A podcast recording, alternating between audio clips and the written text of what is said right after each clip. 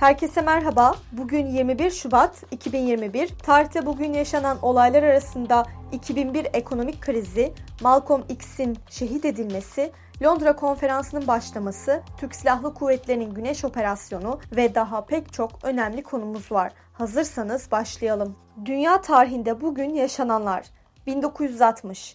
1960. Fidel Castro Küba'daki tüm işletmeleri devletleştirdi. 1965. Malcolm X New York'ta uğradığı bir suikast sonucu öldürüldü. Türkiye tarihinde bugün yaşananlar 1921 Sevr Antlaşması'nı yeniden gözden geçirmek için Londra Konferansı başladı. 2001 Büyük ekonomik kriz Kara Çarşamba yaşandı. Milli Güvenlik Kurulu toplantısında Cumhurbaşkanı Ahmet Necdet Sezer'in Başbakan Bülent Ecevit'e anayasa kitapçığı fırlatmasıyla başlayan ekonomik dalgalanma 21 Şubat 2001 Çarşamba günü tam bir krize dönüştü.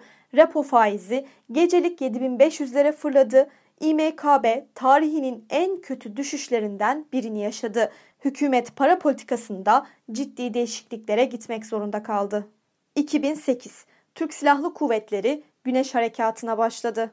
Bugün doğanlar 1728 Rus Çarı 3. Petro doğdu. 1924 Zimbabwe'nin ilk devlet başkanı Robert Mugabe dünyaya geldi.